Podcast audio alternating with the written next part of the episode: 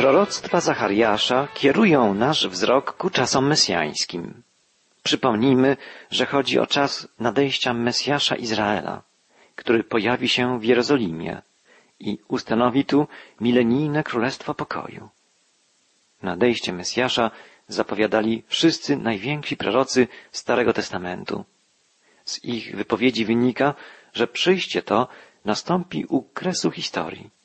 Mesjasz objawi się w mocy i chwale i zaprowadzi swe sprawiedliwe rządy na ziemi na okres tysiąca lat. Te zapowiedzi proroków potwierdza także Nowy Testament, szczególnie kończąca poselstwo Biblii Księga Apokalipsy. Zgodnie z zapowiedziami apostołów i samego Pana Jezusa, najpierw nastąpi pochwycenie Kościoła, czyli zabranie wspólnoty wierzących z ziemi, potem rozpocznie się okres wielkiego ucisku, zakończony przyjściem Mesjasza w mocy i chwale. Nastąpi ustanowienie Królestwa Mesjańskiego, Królestwa Tysiąclecia. Z porównania zapowiedzi proroków Starego i nauki Nowego Testamentu wynika niezbicie, że Mesjaszem, na którego oczekują Izraelici, jest Pan, Jezus Chrystus. Cały naród izraelski rozpozna w nim swego Mesjasza. Dla nas będzie to drugie przyjście Pana Jezusa Chrystusa na ziemię. Dzisiejszy fragment biblijny jest jedną z cząstek wielkiego obrazu przyjścia Mesjasza, przebudzenia duchowego w Izraelu i ustanowienia Mesjańskiego Królestwa. Prorok Zachariasz po raz drugi odwołuje się do obrazu Boga jako pasterza. Pamiętamy, że już wcześniej zapowiedział, iż sam Pan obejmie pieczę nad swoją trzodą, dlatego że powołani do tego pasterze, to znaczy przywódcy świeccy i duchowi, zawiedli. Słowa Zachariasza odwoływały się za pierwszym razem do proroctw Ezechiela. A teraz, gdy w jedenastym rozdziale Księgi Zachariasza ponownie znajdujemy obraz Pana jako pasterza, dostrzegamy, że tym razem Zachariasz nawiązuje do proroctw innego wielkiego proroka, Jeremiasza. Jest to bardzo istotne, bo po pierwsze świadczy o zgodności poselstwa wszystkich proroków Starego Testamentu, a po drugie dowodzi, że zapowiedzi proroków działających przed niewolą babilońską dotyczyły nie tyle odrodzenia, odbudowy Jerozolimy po powrocie z niewoli, ale czasów znacznie odleglejszych, czasów mesjańskich. Wiemy, że Zachariasz działał już po powrocie z niewoli. Brał udział w odbudowie Jerozolimy, świątyni, miasta, a jednak zapowiadał przyszłe odrodzenie, przyszłą chwałę Jerozolimy i zjednoczonego na nowo Izraela jako narodu. Ukazywał przyszłą chwałę Mesjańskiego Królestwa. Choć od chwili wypowiedzenia proroctw przez Zachariasza minęło ponad dwa i pół tysiąca lat, w dalszym ciągu wyglądamy ku owym czasom. Stale należą one do przyszłości, choć coraz bliższej, coraz mniej odległej. Posłuchajmy wołania Zachariasza. Czytam od czwartego wiersza jedenastego rozdziału. Pan tak do mnie powiedział. Paś owce przeznaczone na zabicie, które kupcy zabijają bezkarnie, a handlarze mówią, wzbogaciłem się. Niech będą dzięki Panu. A pasterze nie mają dla nich litości. To wstrząsający obraz. Pasterze zabijający owce. Pasterze nie mający dla owiec litości. Zamiast troszczyć się o nie, pielęgnować je, karmić, pasterze bezkarnie je zabijają, oddają w ręce handlarzy, myślą tylko o wzbogaceniu się, o korzyściach dla siebie. Zachariasz woła w imieniu Pana. Ja też nie będę dłużej litościwy dla mieszkańców kraju, wyrocznia Pana, ale każdego z nich wydam w ręce jego sąsiada i w ręce jego króla. Oni doprowadzą kraj do upadku, a ja nikogo nie uwolnię z ich ręki. Jakże tragiczne było wypełnienie tego proroctwa. Z powodu nieposłuszeństwa tych, którzy powrócili do Jerozolimy z niewoli babilońskiej, żeby odbudować świątynię i miasto, lud izraelski po raz kolejny zostanie usunięty z Jerozolimy, wypędzony z ojczyzny. Tak się stało. Imperium Rzymskie objęło panowanie nad Jerozolimą na całe wieki. W pierwszym wieku naszej ery, w roku siedemdziesiątym, zgodnie z zapowiedzią Jezusa i proroków, Jerozolima legła w gruzach po raz kolejny. Po 134 dniach oblężenia Rzymianie pod wodzą Tytusa zdobyli Jerozolimę, złupili miasto i zburzyli drugą świątynię. Według historyka z pierwszego wieku Józefa Flawiusza w oblężonej Jerozolimie zginęło około miliona ludzi. Wielu poniosło śmierć w innych częściach kraju. Zaś dziesiątki tysięcy sprzedano jako niewolników. Blisko tysiąc osób, mężczyzn, kobiet i dzieci, którzy przeżyli upadek Jerozolimy, zajęli i umocnili pałac króla Heroda na szczycie góry na zachodnim brzegu Morza Martwego. Przez trzy lata w Masadzie powstrzymywali oni rzymskie próby wyparcia ich stamtąd. Kiedy Rzymianie w końcu przełamali obronę i zdobyli twierdzę, odkryli, że obrońcy wybrali śmierć nie niewolę. Dziesięciu mężczyzn wybranych w drodze losowania zabiło wszystkich pozostałych, po czym jeden z nich zabił pozostałych dziewięciu i jako jedyny sam odebrał sobie życie. Dziesięć losów zapisanych na popękanych glinianych tabliczkach odkryli archeolodzy, kiedy w latach sześćdziesiątych i siedemdziesiątych XX wieku prowadzili w Masadzie prace wykopaliskowe. Pan zapowiedział poprzez usta proroka Zachariasza. Nie będę dłużej litościwy dla mieszkańców kraju, wyrocznia Pana, ale każdego z nich wydam w ręce jego sąsiada i w ręce jego króla. Doprowadzą kraj do upadku, a ja nikogo nie uwolnię z ich ręki. Przyczyną upadku było to, że Pan ich nie ochronił, gdyż odwrócili się od Niego, odmówili Mu posłuszeństwa, nie odwzajemnili Jego miłości, nie przyjęli posłanego im Mesjasza. To jednak się zmieni. Izrael ostatecznie rozpozna i przyjmie Mesjasza. Bóg okaże im swoje miłosierdzie. Prorok Zachariasz opowiada o tym w bardzo obrazowy, symboliczny sposób.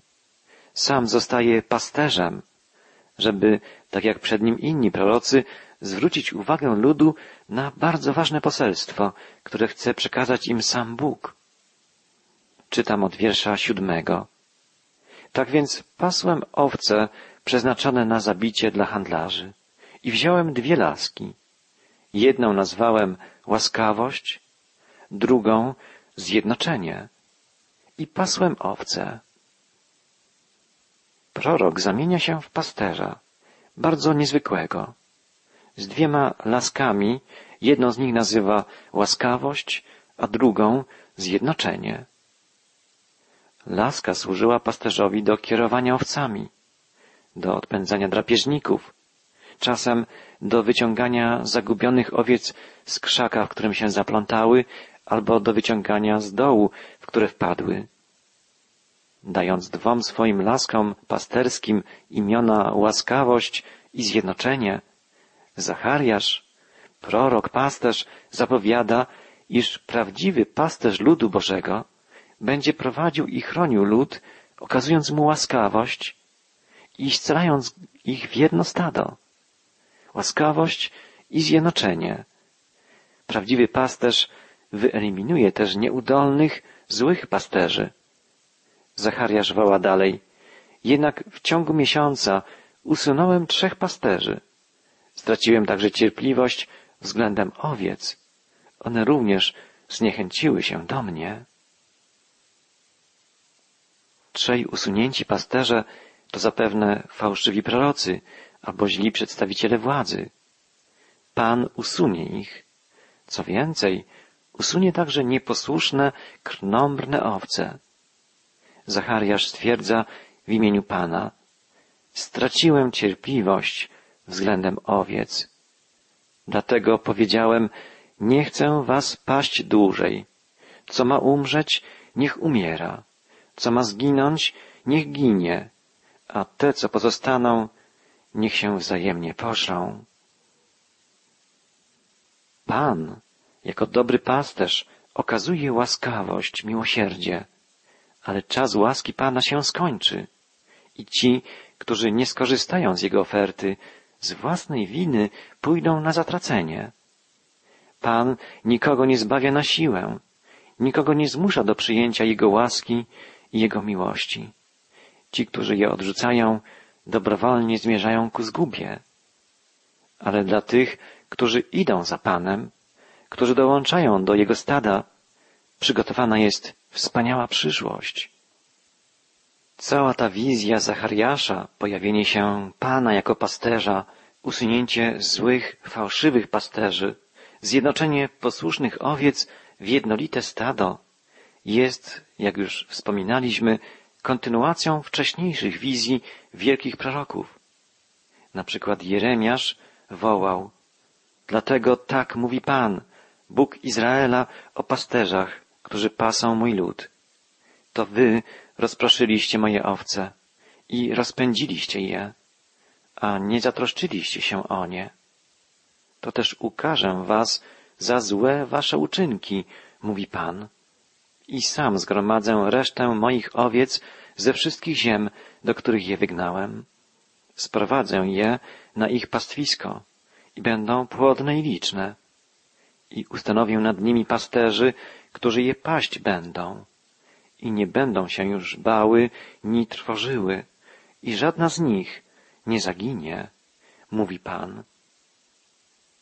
Bóg zapowiada poprzez usta proroków, że rozliczy pasterzy swego stada, usunie złych, a ustanowi nowych, którzy wreszcie zaopiekują się stadem we właściwy sposób. Sprawią, że każda owca będzie czuć się bezpiecznie. W jaki sposób Bóg tego dokona? Prorok woła, oto idą dni, mówi Pan, że wzbudzę Dawidowi sprawiedliwą latorośl będzie panował jako król i mądrze postępował i będzie stosował prawo i sprawiedliwość na ziemi. Bóg powoła króla z linii Dawida. To on zaprowadzi prawo i sprawiedliwość na całej ziemi. Nie ma wątpliwości, że jest to zapowiedź nadejścia Mesjasza.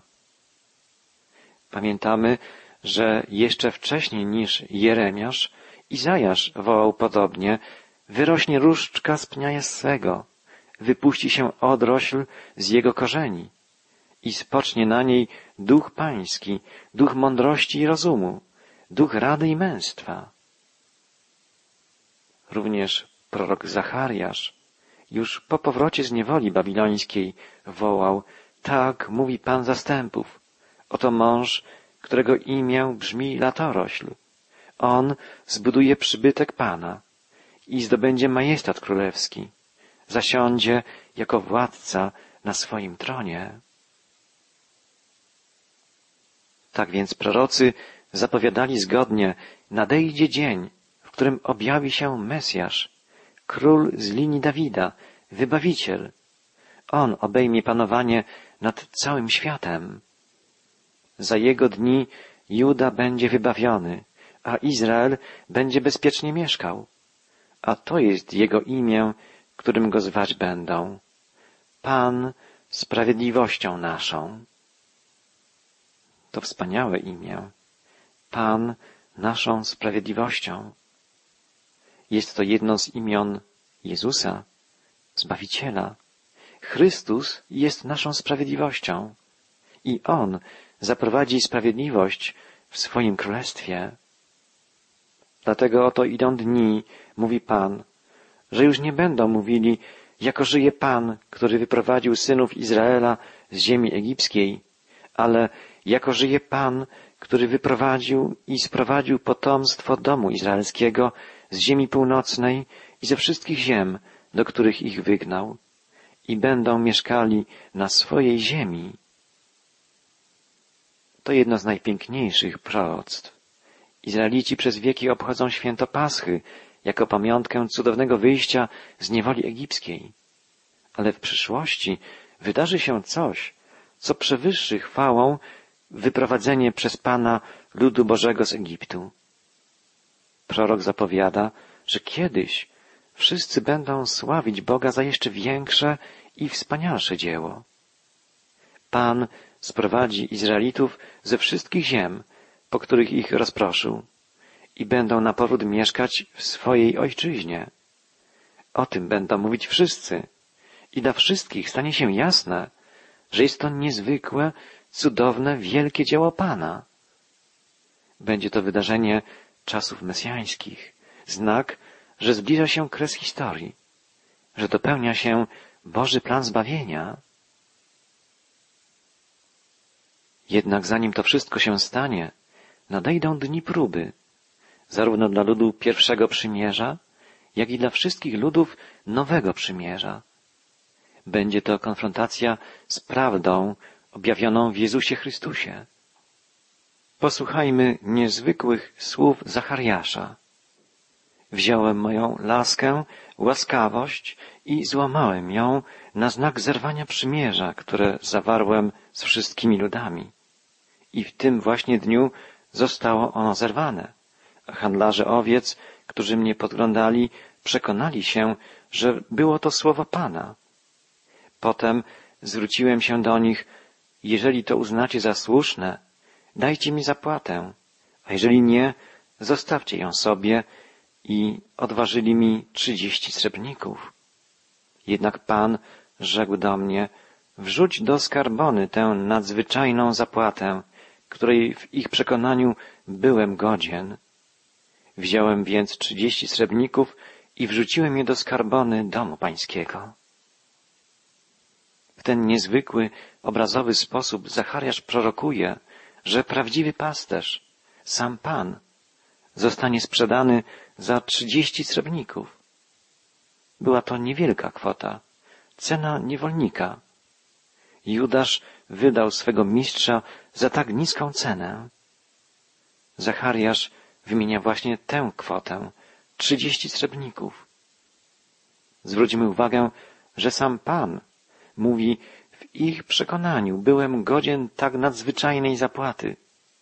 I Pan polecił wrzucić trzydzieści srebrników do skarbony, a właściwie tak jest w tekście oryginalnym hebrajskim, wrzucić do pieca garncarskiego. Jak wiemy, arcykapłani nie wrzucili srebrników, które Judasz zostawił w świątyni do skarbca, ale kupili za nie pole garncarza. W ten sposób wypełniło się proroctwo Zachariasza, a także Jeremiasza, który w swej księdze zawarł obszerny obraz Boga jako garncarza. Tak więc w wizji proroków Zachariasza i Jeremiasza występuje zarówno obraz Pana jako pasterza, prowadzącego swą trzodę, jak też obraz Boga jako garncarza, który kształtuje ludzi jak glinę. Czasem zastanawiam się, dlaczego Bóg kształtuje nas, obrabia jak garncarz, formujący glinę na swoim kole? Dlaczego poświęca nam tyle uwagi, okazuje tyle cierpliwości i troski, by nadać nam kształt odpowiadający Jego zamierzeniom, Jego twórczej wizji? Czyni tak dlatego, że pragnie osiągnąć swój cel, pragnie uformować nas w taki sposób, żebyśmy byli podobni do Niego. To, co rozpoczął w czasie dzieła stworzenia, pragnie dokończyć poprzez dzieło zbawienia, przez dzieło odrodzenia, dzieło duchowego wzrastania, wszechstronnego duchowego rozwoju. Pan pragnie tak nas kształtować, aż staniemy się do Niego podobni, aż staniemy się tacy jak On. Apostoł Jan napisał w swym pierwszym liście Umiłowani, teraz dziećmi Bożymi jesteśmy, ale jeszcze się nie objawiło, kim będziemy. Lecz wiemy, że gdy się objawi Chrystus, będziemy do Niego podobni, gdyż ujrzymy Go takim, jakim jest. Zmartwychwstały Pan rozpoczął erę nowego stworzenia, dopełni swego dzieła. Będzie nowa ziemia i nowe niebo. Apostoł Paweł napisał w liście do Efezjan Umarliście przez upadki i grzechy wasze. Gdyby tu skończyło się nauczanie apostolskie, bylibyśmy zgubieni, pozbawieni wszelkiej nadziei. Ale apostoł narodów napisał dalej Bóg, który jest bogaty w miłosierdzie, nas, którzy umarliśmy przez upadki, ożywił wraz z Chrystusem i wraz z Nim posadził nas w okręgach niebieskich w Chrystusie Jezusie, aby okazać w przyszłych wiekach nadzwyczajne bogactwo swojej łaski. Taki jest wspaniały plan wielkiego pasterza i wielkiego garncarza. Mimo, że jesteśmy tylko gliną, prochem, w Chrystusie Jezusie stajemy się uczestnikami nieba, uczestnikami wieczności i chwały. Ale dzieje się tak wtedy tylko, gdy otwieramy się na działanie Boga, gdy pozwalamy Mu kształtować nasze życie. Jeśli zamykamy przed Nim swoje serce, nasz los jest przesądzony. Spójrzmy, jak zakończyło się życie Judasza. Czytamy w Ewangelii Mateusza, Judasz, który go zdradził, widząc, że został skazany, żałował tego. Zwrócił trzydzieści srebrników arcykapłanom oraz starszym i rzekł, zgrzeszyłem, gdyż wydałem krew niewinną. A oni rzekli, cóż nam do tego? Ty patrz swego.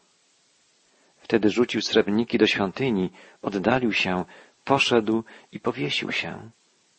A arcykapłani wzięli srebrniki i rzekli, nie wolno kłaść ich do skarbca, gdyż jest to zapłata za krew.